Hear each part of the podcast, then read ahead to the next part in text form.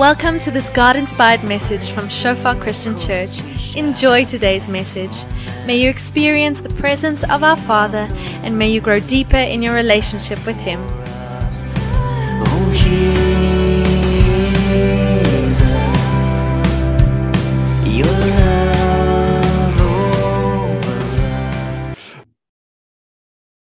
Daar's hy, julle. Welkom hier vanoggend vir die van julle wat my nie ken nie. My naam is Wian.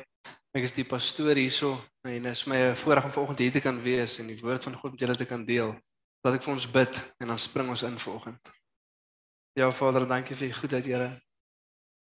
Dankie vir u guns, Here. Dankie vir u teenwoordigheid hier vanoggend. Ons kom bid Vader, soos wat ook gedeel was, Vader, dat nie een van ons onveranderd hier sal uitstap vol, Here. Maar sal besef, Here, dit wat u wil kom doen, dit wat u wil kom sê. Dankie vir u goedheid, Here. En maak nie saak wat dit is nie, Here, hoe konfronterend miskien Vader ongemaklik vir party van ons, Here. Dat ons weet, Here, dis 'n goeie Vader wat wil kom lewe gee. Dankie Jesus vir u offer op die kruis wat alles moontlik. Dankie Heilige Gees dat u hier is in ons werk, deur ons werk. Ons kom lê onsself neer vanoggend, Here. Kom maak onsself in Jesus naam. Amen. So ons maak vandag klaar met ons reeks leer ons om ons dae te tel en ons is besig om te kyk na Psalm 90, een van die eerste psalms, die eerste psalm wat geskryf is. 'n Psalm wat geskryf is deur Moses. En soos ons gesê het, ons kyk na die konteks van die psalm en sodat ons die konteks beter verstaan, gee dit vir ons 'n bietjie meer dringendheid om toe te pas wat die psalm vir ons sê. In die konteks van die psalm is Moses en die Israeliete in die wildernis net voordat hulle die beloofde land ingaan. En as gevolg van ongehoorsaamheid en ongeloof is hulle nie bereid om die land binne te gaan en God sê vir hulle oor hulle onbereidwilligheid sal die hele generasie sterf in die wildernis. 40 jaar lank op een plek bly, nie 'n tree vorentoe beweeg nie, nie 'n tree groei nie. En ons gaan wag vir 'n nuwe generasie om te doen dit wat God hulle geroep het om te doen. En Moses is bewus dat mense op so 'n manier kan lewe dat hulle hele lewe op aarde in lig van ewigheid tel as niks. Als verniet. Meaningless, sinneloos, waardeloos. Elke liewe dag, elke stukkie moeite in lig van ewigheid as asof dit nooit daar was nie.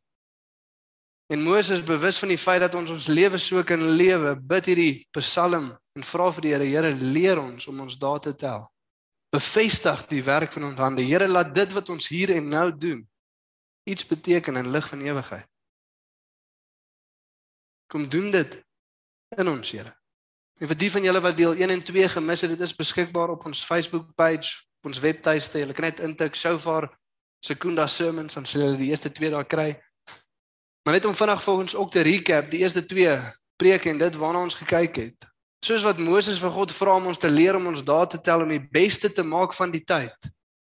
Is Moses nie besig om te fokus op 'n goeie manier om ons tydsbeplanning te bestuur of die regte goed elke dag te doen nie. Waarop Moses fokus is 'n openbaring van wie God is. 'n Openbaring van wie God is. En soos dit ons gesê het, elke liewe een van ons wat ver oggend hierso sit, gaan lewe volgens ons openbaring van God wat ons het. Die manier hoe ons lewe wys vir ons iets, hoe ons God aanskou, wat ons werklik glo oor wie God is en hoe hy werk en hoe hy optree en wie ons is. Die openbaring van wie God is. En ons sien dat Moses fokus op vier aspekte van God in hierdie Psalm. Die eerste een is die ewigheid van God. Die feit dat God ewig is. Van ewigheid tot ewigheid is U God. Voordat U alles geskep het, was U God. En dan sê Moses, U is ons toevlug, U is ons tuiste. Met ander woorde, maak nie saak waar ons onsself bevind as Christene nie, maak nie saak waar in die wêreld wat se omstandighede nie. Dit gaan vir ons oor God. Dit gaan vir ons oor die teenwoordigheid van God. En Moses sê maak nie saak of ons slawe in Egipte was of ons nou hier in die woestyn is of ons die beloofde land ingaan nie. U is ons toevlug. U is die een vir wie alles gebeur, om wie alles draai, vir wie ons alles doen. U is ons toevlug. En dan sê Moses in Eksodus vir God ook soos dat hulle uitstuur na die beloofde land op 'n kol waar God ook kwaad is vir die Israeliete.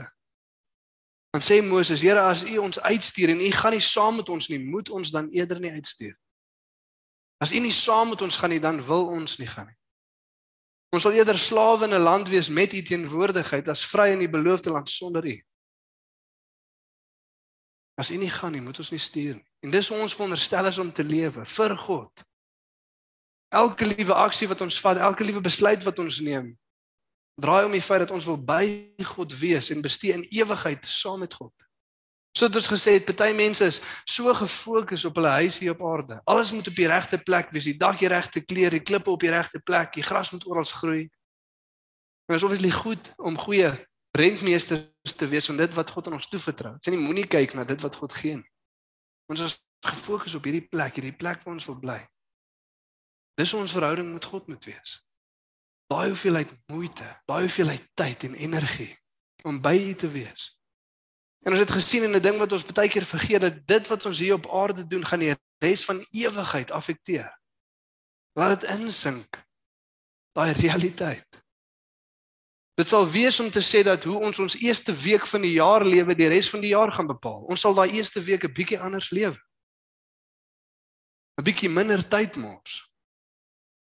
Soos wat ons ook gesê het, ons het nie tyd om te mors nie. Partykeer sê ons vir onsself, ja, ek weet ek het nog nie daai ding gedoen nie of ek het nog nie daai stuk van die Bybel dalk gelees nie of ek het nog nie myself toegewy gebed nie, maar hierdie gaan 'n jaar wees.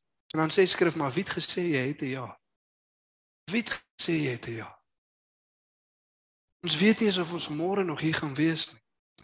Ons moet lewe met 'n bewustheid dat ons enige oomblik kan doodgaan.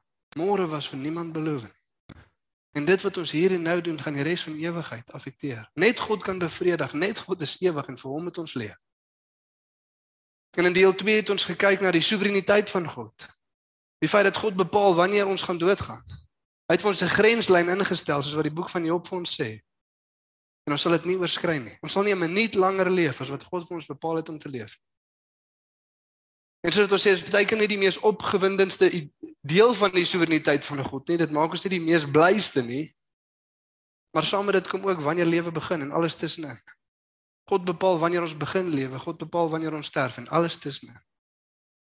En soos wat ons gesê het, hierdie waarheid is veronderstel om ons groot motivering te gee en ook groot vreugde, 'n las van ons skouers af te haal.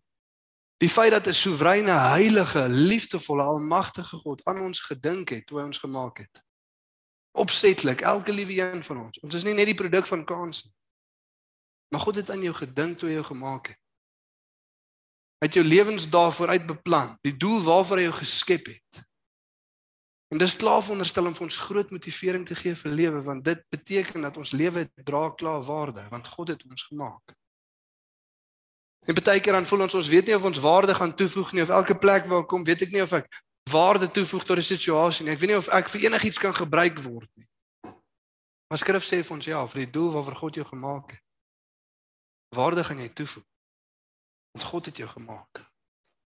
En terselfdertyd is dit veronderstel om 'n las van ons skouers af te haal want ons hoef nie alles te beplan nie. Ons hoef nie die plan te maak nie. Ons hoef nie alles uit te dink nie.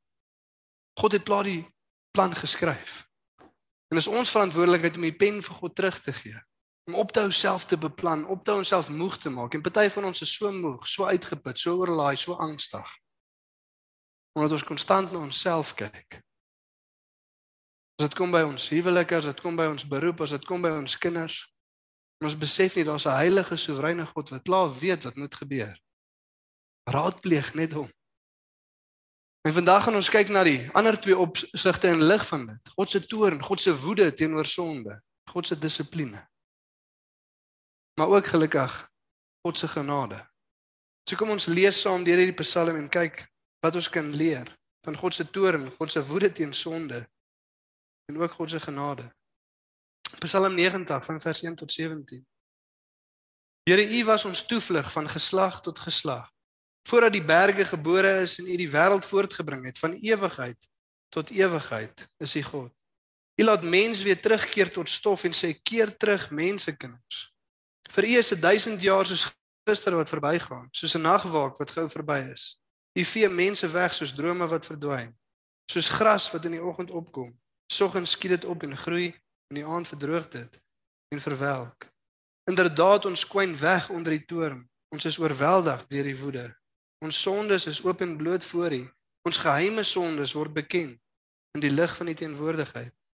Al ons dae gaan verby onder die toorn en ons eindig ons lewe soos 'n sug. Die getal van ons jare kan 70 wees of as ons sterk is 80. Maar selfs die beste daarvan is vol swaar kry en verdriet. Die lewe is gou verby en ons bestaan nie meer nie. Wie ken die krag van die toorn? Wie ken die vrees van die woede? Leer ons om ons dae so te tel dat ons 'n wyse hart mag bekom. Kom terug, Here. Hoe lank gaan U nog uitstel? Ontferm U tog oor die dienaars. Vul ons met U genade in die oggend. Dan sing ons van vreugde al ons dae. Gee ons vreugde na al ons lyding. Al die jare wat van onheil wat ons beleef het. Laat U dienaars U werke sien en hulle kinders U heerlikheid. En mag die Here ons God sy goedheid aan ons bewys en die werk van ons hande bevestig. Ja, bevestig die werk van ons hande. Ons sien Moses daar op die einde daai twee stellings herhaal. In die Grieks of die Hebreëus as iemand wil klem lê op 'n sekere ding, dan is daar nie 'n uitroepteken in daai tale wat jy kan gebruik nie, so hulle herhaal dit. Moses herhaal hierdie stelling, bevestig die werk van ons hande. Met ander woorde, die Here in lig van ewigheid mag dit wat ons doen iets beteken. Mag dit nie net waardeloos wees nie. En soos ons die laaste paar dae gesien het, dit gebeur as ons doen wat God vir ons sê. Elke liewe dag as ons lewe in lyn is met die wil van God en ons optrede in lyn is met die wil van God, dan het dit ewigheidswaarde. Elke liewe besluit, elke liewe tree wat uit lynheid is met die wil van God, swaardeloos, beteken niks. En lig van ewigheid sal wees asof dit nooit gebeur het. Net weg. En nog 'n ding wat die skrif vir ons leer is dat dit gaan nie net oor wat ons doen nie, maar ook hoekom ons dit doen. Dit gaan nie net oor die aksie nie, maar dit gaan oor die motivering agter die aksie. God kyk ook na die hart. En ek dink baie van ons kan terugdink aan toe ons dalk kinders was of self as ouers, miskien by die werk, miskien in ons verhouding met God, waar ons iets gedoen het maar ons was nie baie lus nie. Raai, okay, ek gaan dit nou maar doen. Wie gaan ek? In baie areas kan ons wegkom met dit, maar nie by die Here nie. Dit gaan nie net oor wat ons doen nie, maar dit gaan ook oor die motivering agter dit wat ons doen. En vandag gaan ons kyk nie net na die regte optrede nie, maar ook wat is veronderstel om ons motivering te wees om God te volg, om in lyn met sy wil te lewe. Maar weer eens soos wat ons na die laaste ruk gekyk het, dit kom als neer op vers 12, die aksiepunt, dit wat moet gebeur. En as Moses wat bid en vir die Here vra, leer ons om ons daar so te tel dat ons 'n wyse hart mag bekom. Leer ons om ons daar so te tel dat ons 'n wyse hart mag bekom. En weer eens wat ons die laaste 2 weke ook gesê het, is dit alles wat jy wegvat van die hele preekreeks. Is dit alles wat jy onthou, is dit alles wat jy toepas, laat dit dit wees. Om voor God te gaan sit en hom te vra, Here, wys my wat U wil is vir my lewe, wys my wat U vir my beplan. Wys my wat dit is wat U wil hê ek moet doen. En gee my die genade om gehoorsaam te wees. En weer eens vanoggend moet ek vir ons die vraag vra, vir party van ons is dit nou al die tweede week wat ons hierdie hoor. Twee weke wat verby was en die vraag is, Het ons dit al gedoen? Het ons dit al gedoen? 2 weke is al verby waar ons hierdie weet, waar ons hierdie besef, waar ons hierdie moet toepas, het dit al gebeur. Het ons al voor God gaan sit? Het ons die tyd eenkant gesit om voor God te gaan sit en te vra, Here, leer my om my dae te tel.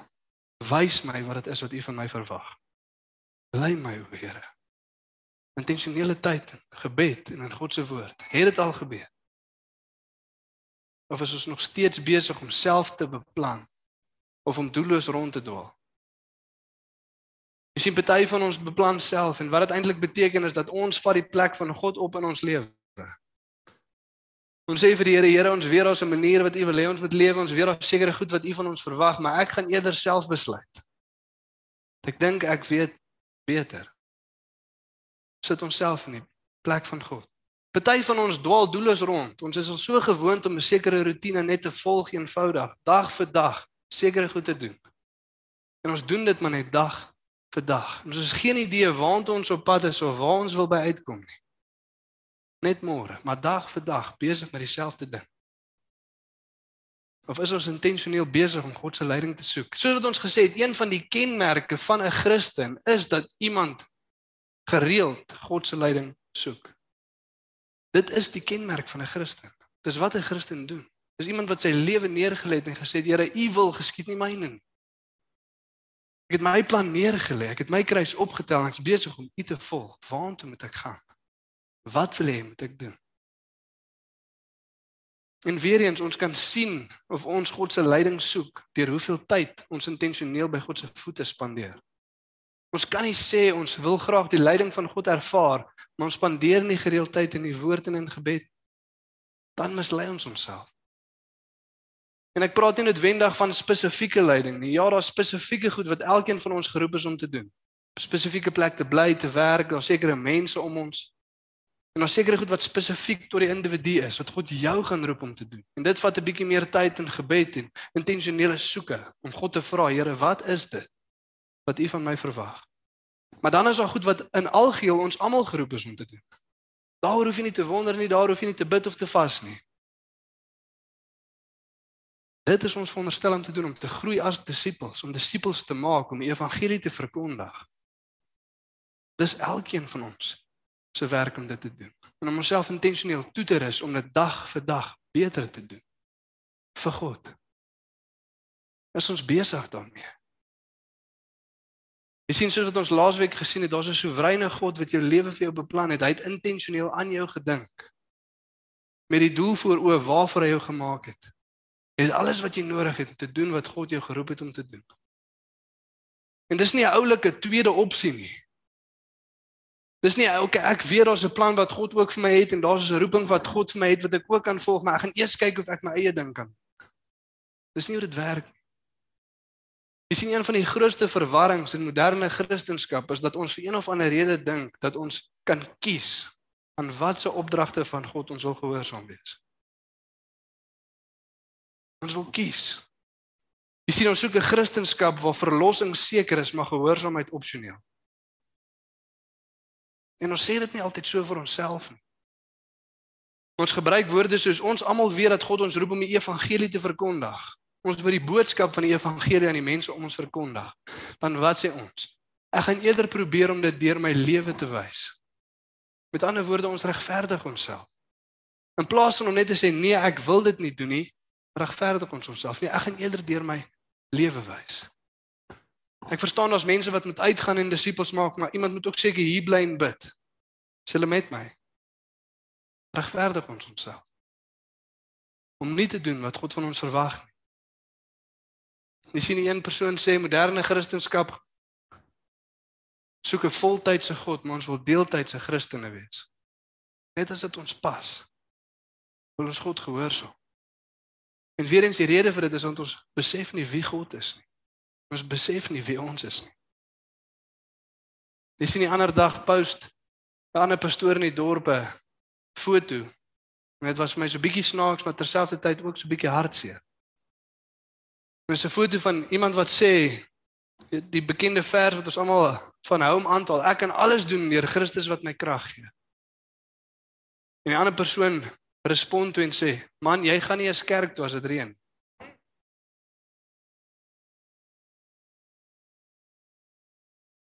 Dis ek moet sê dis bietjie snaaks maar terselfdertyd bietjie hartseer. Want dit is so maklik om onsself te regverdig as dit kom by die goed waarvoor God ons roep. Ek verstaan God roep my om tyd saam met hom te spandeer om disippels te maak, om deel te raak van 'n gemeente, om ander mense te groei. My gawe te bring. Ek's 'n bietjie te besig met ander goed. God sal seker verstaan. God sal seker verstaan. En ons regverdig onsself so maklik. En weer eens die rede vir dit is want ons besef nie wie God is nie. En dis in lig van dit Moses wat besef dat dit nie oukei okay is om nie te doen wat God van ons verwag nie. Daar's 'n plan wat God vir ons het, daar's 'n ding wat God vir ons gesê het om te doen, daar's opdragte wat God vir ons gegee het om te doen. En dit is nie oukei okay om dit nie te doen nie. En dis in lig van dit Moses wat bewus is van dit wat hy die volgende skryf. Vers 7 tot 9. Dan skryf Moses: "Inderdaad, ons kwyn weg onder die toorn. Ons is oorweldig deur die woede. Ons sonde is oop en bloot voor U." Ons geheime sondes word bekend in die lig van die teenwoordigheid. Al ons dae gaan verby onder die toorn. Ons eindig ons lewe soos 'n sig. Moses bewus van die Israeliete wat ongehoorsaam was, wat nie wou doen wat God sê nie, nie die plan van God wou uitleef. En Moses sien hoe dag na dag mens sterf oor ongehoorsaamheid. En Moses baie bewus van die feit dat ongehoorsaamheid sal lei tot die dood. Ek kan nie onthou wie dit gesê nie, maar hy sê 'n Christen is of aktief besig om die sonde in sy lewe dood te maak of die sonde is aktief besig om hom dood te maak. Maar daar's nie twee nie, daar's nie 'n grys area nie. Ons is of aktief besig om teen sonde te veg of sonde is aktief besig om ons dood te maak. En wat die konteks van hierdie stuk skrif so toepaslik maak op moderne Christendom is dat dit is nie die aktiewe sonde wat hierso die probleem is in Israel se lewe nie, maar die passiewe ongehoorsaamheid. Dis nie die aktiewe goed wat hulle verkeerd doen nie, dit is die passiewe ongehoorsaamheid wat hulle nie toelaat om te doen wat God van hulle verwag nie. sien baie keer is ons so gefokus op aktiewe sonde, die verkeerde goed wat ons nie moet doen nie. Dan sê ons vir onsself, ag weet jy wat, ek's eintlik okay, ek's eintlik 'n goeie mens, want ek doen nie X, Y en Z nie. Dan sê die skrif, dit gaan nie soveel oor die goed, verkeerde goed wat ons nie moet doen nie, maar oor die regte goed wat ons aktief moet doen. Om aktief God te volg. En die probleem hierso is dat Israel hierdie onvermoë en ongehoorsaamheid om te doen wat God wil hê hulle moet doen. Die onvermoë om in te gaan. En dieselfde is waar in ons lewe. As ons na dit moet kyk, Ons skryf vir ons as mans sê mans lê jou lewe neer vir jou vrou soos Christus sy lewe neer lê vir die kerk. Dan dink ons by onsself, is daar 'n dag wat ek dit reg kry? Nee.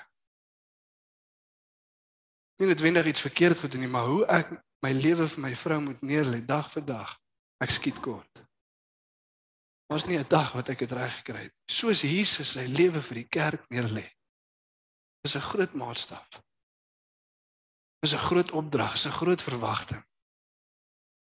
Vrouens, wees onderdanig aan julle mans. Moenie oor hom probeer heers nie. So 'n dag wat ons dit reg kry. Paas. Moenie julle kinders kwaad maak nie, maar bring hulle op in die dissipline en instruksie van die Here. Dis 'n dag wat ons dit reg kry. Maak disippels. Verkondig die evangelie. Dis 'n dag wat ons dit reg kry. Dis in Hebreërs 5 vers 12 en skryf die skrywer vir die kerk. Dan sê hulle ons wil vir julle vertel van die priestersorder van Melchisedek, maar is moeilik om te verduidelik want julle traag geraak om te hoor. Van wie die tyd is julle veronderstel om al onderrig te kon gee in die geloof. Maar hulle kort weer iemand om julle die basiese beginsels van die woord van God te leer. Met ander woorde, julle is passief in ongehoorsaamheid. As julle sê julle is al jare lank Christen, as julle al veronderstel om onderrig te kon gee in die geloof. Selfs is waar vir ons as kerk as ons dink hoe lank ons al sê ons God volg, is ons al veronderstel om Bybelskool aan te bied, selgroepe uit te plant, leiers op te rig, die evangelie te verkondig, disippels te maak. Maar ons kan nog steeds nie. Hoekom? Passief in ongehoorsaamheid. Ja, ons dalk al hierdie verkeerde goeder wat ons nou nie meer doen nie en ons dink ons is beter as die ander mense want ons doen dan nie dit nie. Maar God verwag van ons om aktief te wees in gehoorsaamheid. Gaan en maak disippels. Dis nie opsioneel nie. Dis nie iets wat ek kan kies nie. Ek kan ook nie kies hoe ek dit doen nie. Soos ons sê ons hou daarvan om te sê nee, maar ek gaan net deur my lewe wys. Ons kan dit nie deur ons lewe wys nie. Die evangelie sal nooit minder as woorde wees nie. Ons moet die woorde gaan verkondig aan die mense daar buite. Dis nie opsioneel. En in lig van dit, as ons met nugter oordeel na onsself kyk, en een persoon sê, "Ware hel is as die mens wie ons is, die mens ontmoet wie ons kon wees." As die mens wie ons is, die mens ontmoet wie ons kon wees. Die persoon wat elke keer gehoorsaam was, die persoon wat elke keer dissipline toegepas het. Die persoon wat elke keer gehoorsaam was aan God, as jy daai weergawe van jouself ontmoet. En sien waar kon wees, hoe ek al kon groei, die verskil wat ek al kon maak. Maar as ons in lig van dit met nigter oordeel na onsself kyk en dan vra ons die volgende vraag, dan klink dit bietjie anders. Vers 11. Wie ken die krag van die toorn? Wie ken die vrees van die woede? Wie ken die krag van die toorn? Wie ken die vrees van die woede? Wie besef dat daar is 'n heilige God, almagtig, soewerein? En hy's nie tevrede as ons ongehoorsaam is nie. Wie besef? En dis 'n retoriese vraag want niemand besef nie, niemand ken nie, niemand weet nie. Volkome nie. Maar Moses Moses vra wie dink oor dit? Wie dink aan dit in lig van hoe ons ons dae spandeer? Wie ken die vrees van die woede? Ek sien baie van ons besef nie die goeie nuus van die evangelie nie want ons ken nie die slegte nuus van ons sonde nie. Dis net in lig van dit, dis net in lig van as ons dit besef wat die goeie nuus van die evangelie sin maak en soet is en mooi is. Soos wat C.H. Spurgeon sê as die Bybel praat van God se woede teen sonde, gebruik dit nooit 'n hiperboon. Dit kan dit nie oordryf nie. Dit kan dit nie te stel nie. Maar gelukkig vir ons, is dieselfde ook waar as dit kom by God se genade. Maar gebruik die Bybel ook nooit 'n hiperboon. Dit kan dit ook nooit oordryf nie. En is in lig van dit wat Moses bid en vir die Here die volgende vra. Moses bewit dat net God kan iets doen omtrent hierdie saak. As hy help kom, moet dit van God afkom. En Moses vra: "Kom terug, Here. Hoe lank gaan U nog uitstel? Ontferm U tog oor die dienaars. Vul ons met U genade in die oggend, dan sing ons van vreugde al ons dae. Gee ons vreugde na al ons lyding, na al die jare van onheil wat ons beleef het." Ontferm U oor ons, Here. Wees genadig, Here. Gee vrede, Here. Maar U moet kom en kom help. En 'n paar honderd jaar later kom die antwoord op Moses se gebed. En ons lees in Johannes 1 vers 29 die volgende. Die volgende dag sien Johannes dat Jesus na hom toe aangestap kom en hy sê: "Kyk, daar is die lam van God wat die sonde van die wêreld wegneem. Kyk, daar is die lam van God wat die sonde van die wêreld wegneem. Hier is die motivering. Dis nie die vrees hoofsaaklik wat ons motiveer nie. Ja, Paulus skryf in 2 Korintiërs 5 vers 11 as hy praat van die bediening wat ons as Christene het dat ons ken die vrees van God en daarom probeer ons mense oortuig. Maar in vers 14 dan sê hy die liefde van Christus dring ons. Die vrees is nie die hoofsaaklike motivering nie, maar die liefde van Christus om te besef te dank aan Jesus Christus hoef ons nie ook in ons ongehoorsaamheid te sterf nie. Te dank aan Jesus hoef ons nie die oomblik as ons ongehoorsaam is, kan ons nie 'n enkele tree verder gee nie. Nie enkele iets doen wat ooit weer betekenis sal hê nie, maar te dank aan Jesus kan ek deur geloof in hom vergifnis ontvang en ek kan weer vorentoe beweeg. Ons lees in Romeine 2 vers 4 dan sê dit verag ons die goedheid en geduld van God. Verag ons dit of besef ons nie dat God ons deur sy goedheid tot bekering wil lei. Besef ons nie dat God ons deur sy goedheid tot bekering wil lei. Besef ons die genade van God wat dit veronderstel is om in ons te kweek te bewerkstellig. Die genade van God wil ons tot bekering lei. En ons moet dit besef, dis die evangelie, dis die motivering. Ons storie in Lukas 7 van vers 36 tot 50. Ek het al baie daarna verwys en ek gaan nog baie daarna verwys storie van die sondige vrou. Jesus is besig om te eet by 'n fariseer se huis. Die sondige vrou kom in wat bekend is in die dorp as die vrou van sonde. En soos wat Jesus hulle aan tafel eet, kom die vrou in en sy gooi olie oor sy voete uit en sy huil oor sy voete en sy was sy voete met haar hare. En die fariseer in sy hoogmoedigheid, nie bewus van die probleem nie. Ken nie die toorn van God nie. Ken nie die vrees van God se woede nie.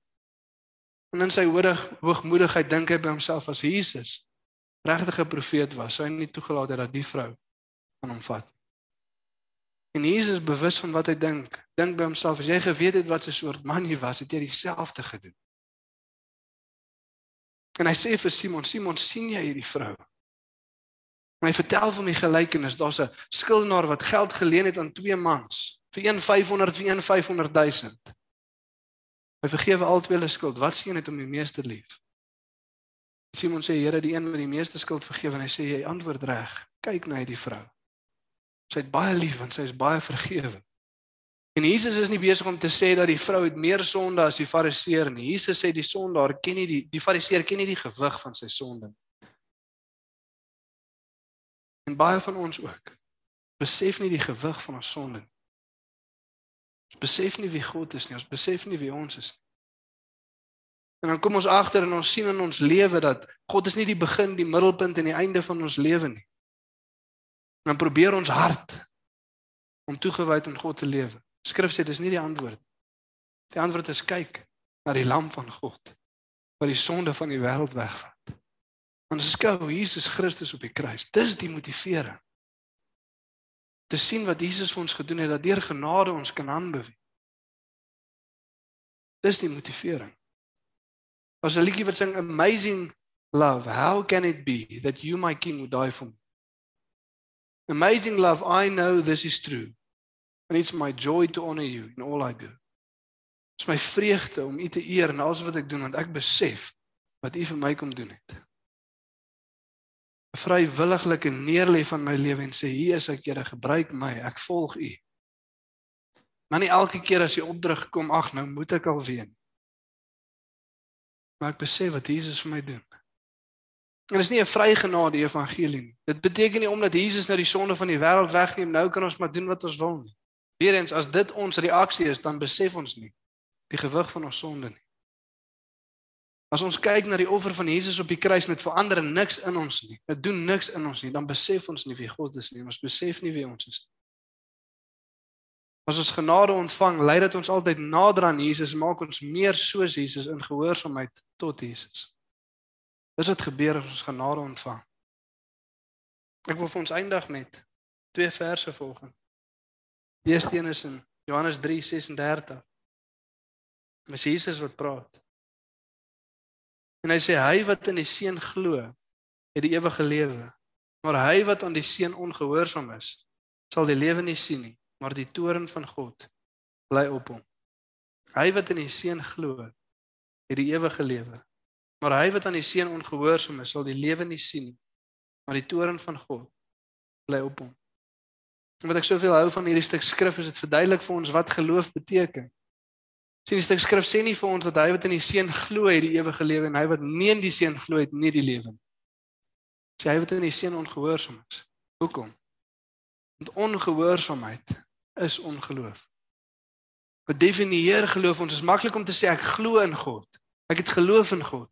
Wat beteken dit? Dit beteken gehoorsaamheid. Ek kan nie sê ek glo in die almagtige, soewereine, liefdevolle God van die heelal, maar ek gaan nie doen wat hy sê nie. Dit maak nie sin nie. Geloof is gehoorsaamheid. En ongeloof is ongehoorsaamheid. En Jesus sê ja, hy het gekom om die sonde vir die wêreld weg te vat, maar as ons dit sien en beleef, dan lei dit na 'n lewe van gehoorsaamheid. As ons nog steeds kies om onsself te volg, bly die toorn van God nog steeds op ons. Dis die evangelie.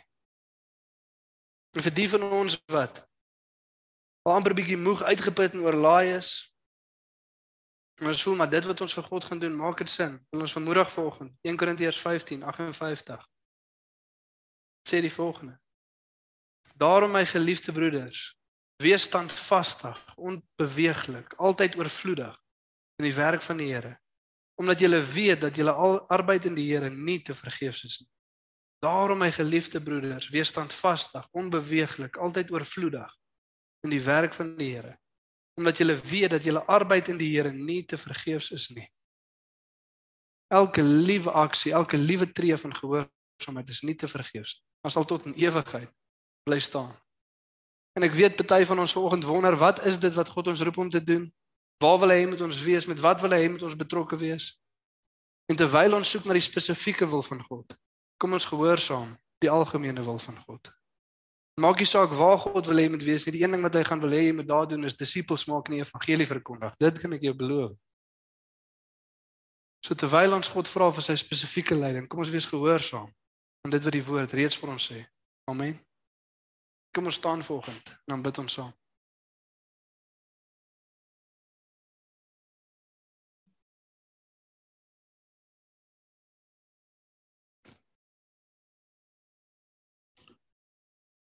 Ja, Vader, dankie dat ons vanoggend voor U kan kom, Here. Net eerstens kan kom vra Vader om U beeld, Here, openbaring van wie U is, Vader, te herstel in die kerk, Here. En ons kom bely, Vader, dat ons 'n moderne weergawe, Vader, opgemaak deur 'n mens, Vader, ontvang het van wie U is, Here.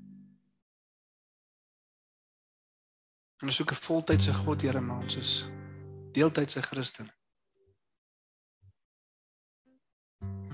Die idee wat ons van U het, Here, is amper meer soos 'n genie in 'n bottel, Here. Ons wil die lampie vryf as dit vir ons goed klink. En ons wil hê moet uitspring, Here, en gou kom red, gou kom genees, gou kom leiding gee.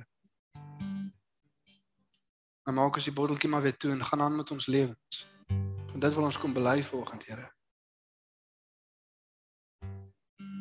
Vader, as 'n kerk, Here, wil ons kom bely van hoogmoedigheid, Here. Ons die woorde van die evangelie hoor, Here, want waar, waar ons lees wat Jesus vir ons op die kruis gedoen het, maar dit beweeg niks. Want ons is onbewus van die gewig van ons sonde. En gereeld, Here, dink ons ons is beter as. Ek doen ten minste nie dit nie, ek doen ten minste nie dat. Aangeheel, Here, is ons passief as dit kom by gehoorsaamheid. En vir baie van ons vanoggend, Here, sê U jy moes al onderrig kon gee in die geloof. Jy moes ander al kon leer. Jy moes disippels al kon maak.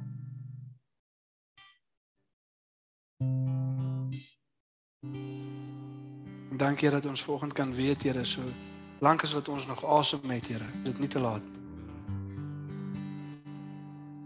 En dat die vrees, Here, ons nie hoef te dryf nie.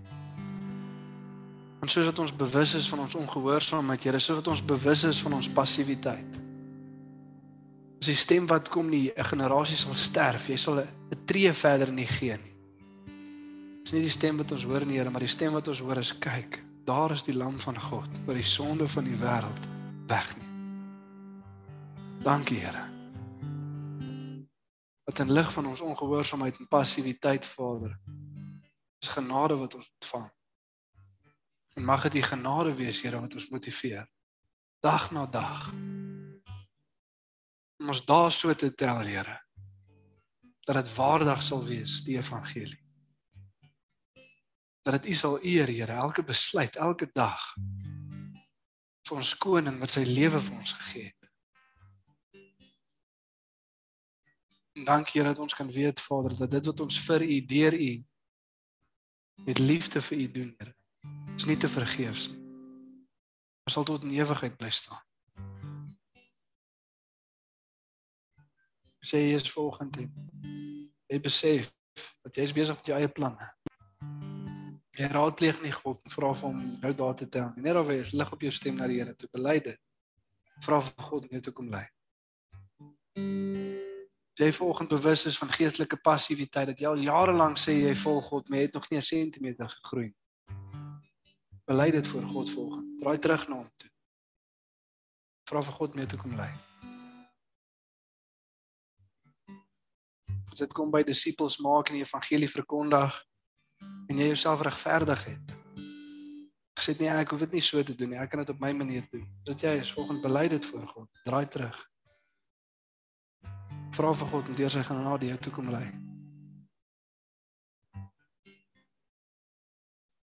As jy volgens hier so is, jy ken nie die Here.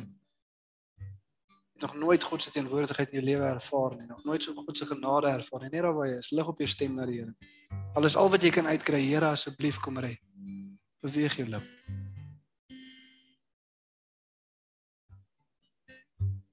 Laat God kom lei.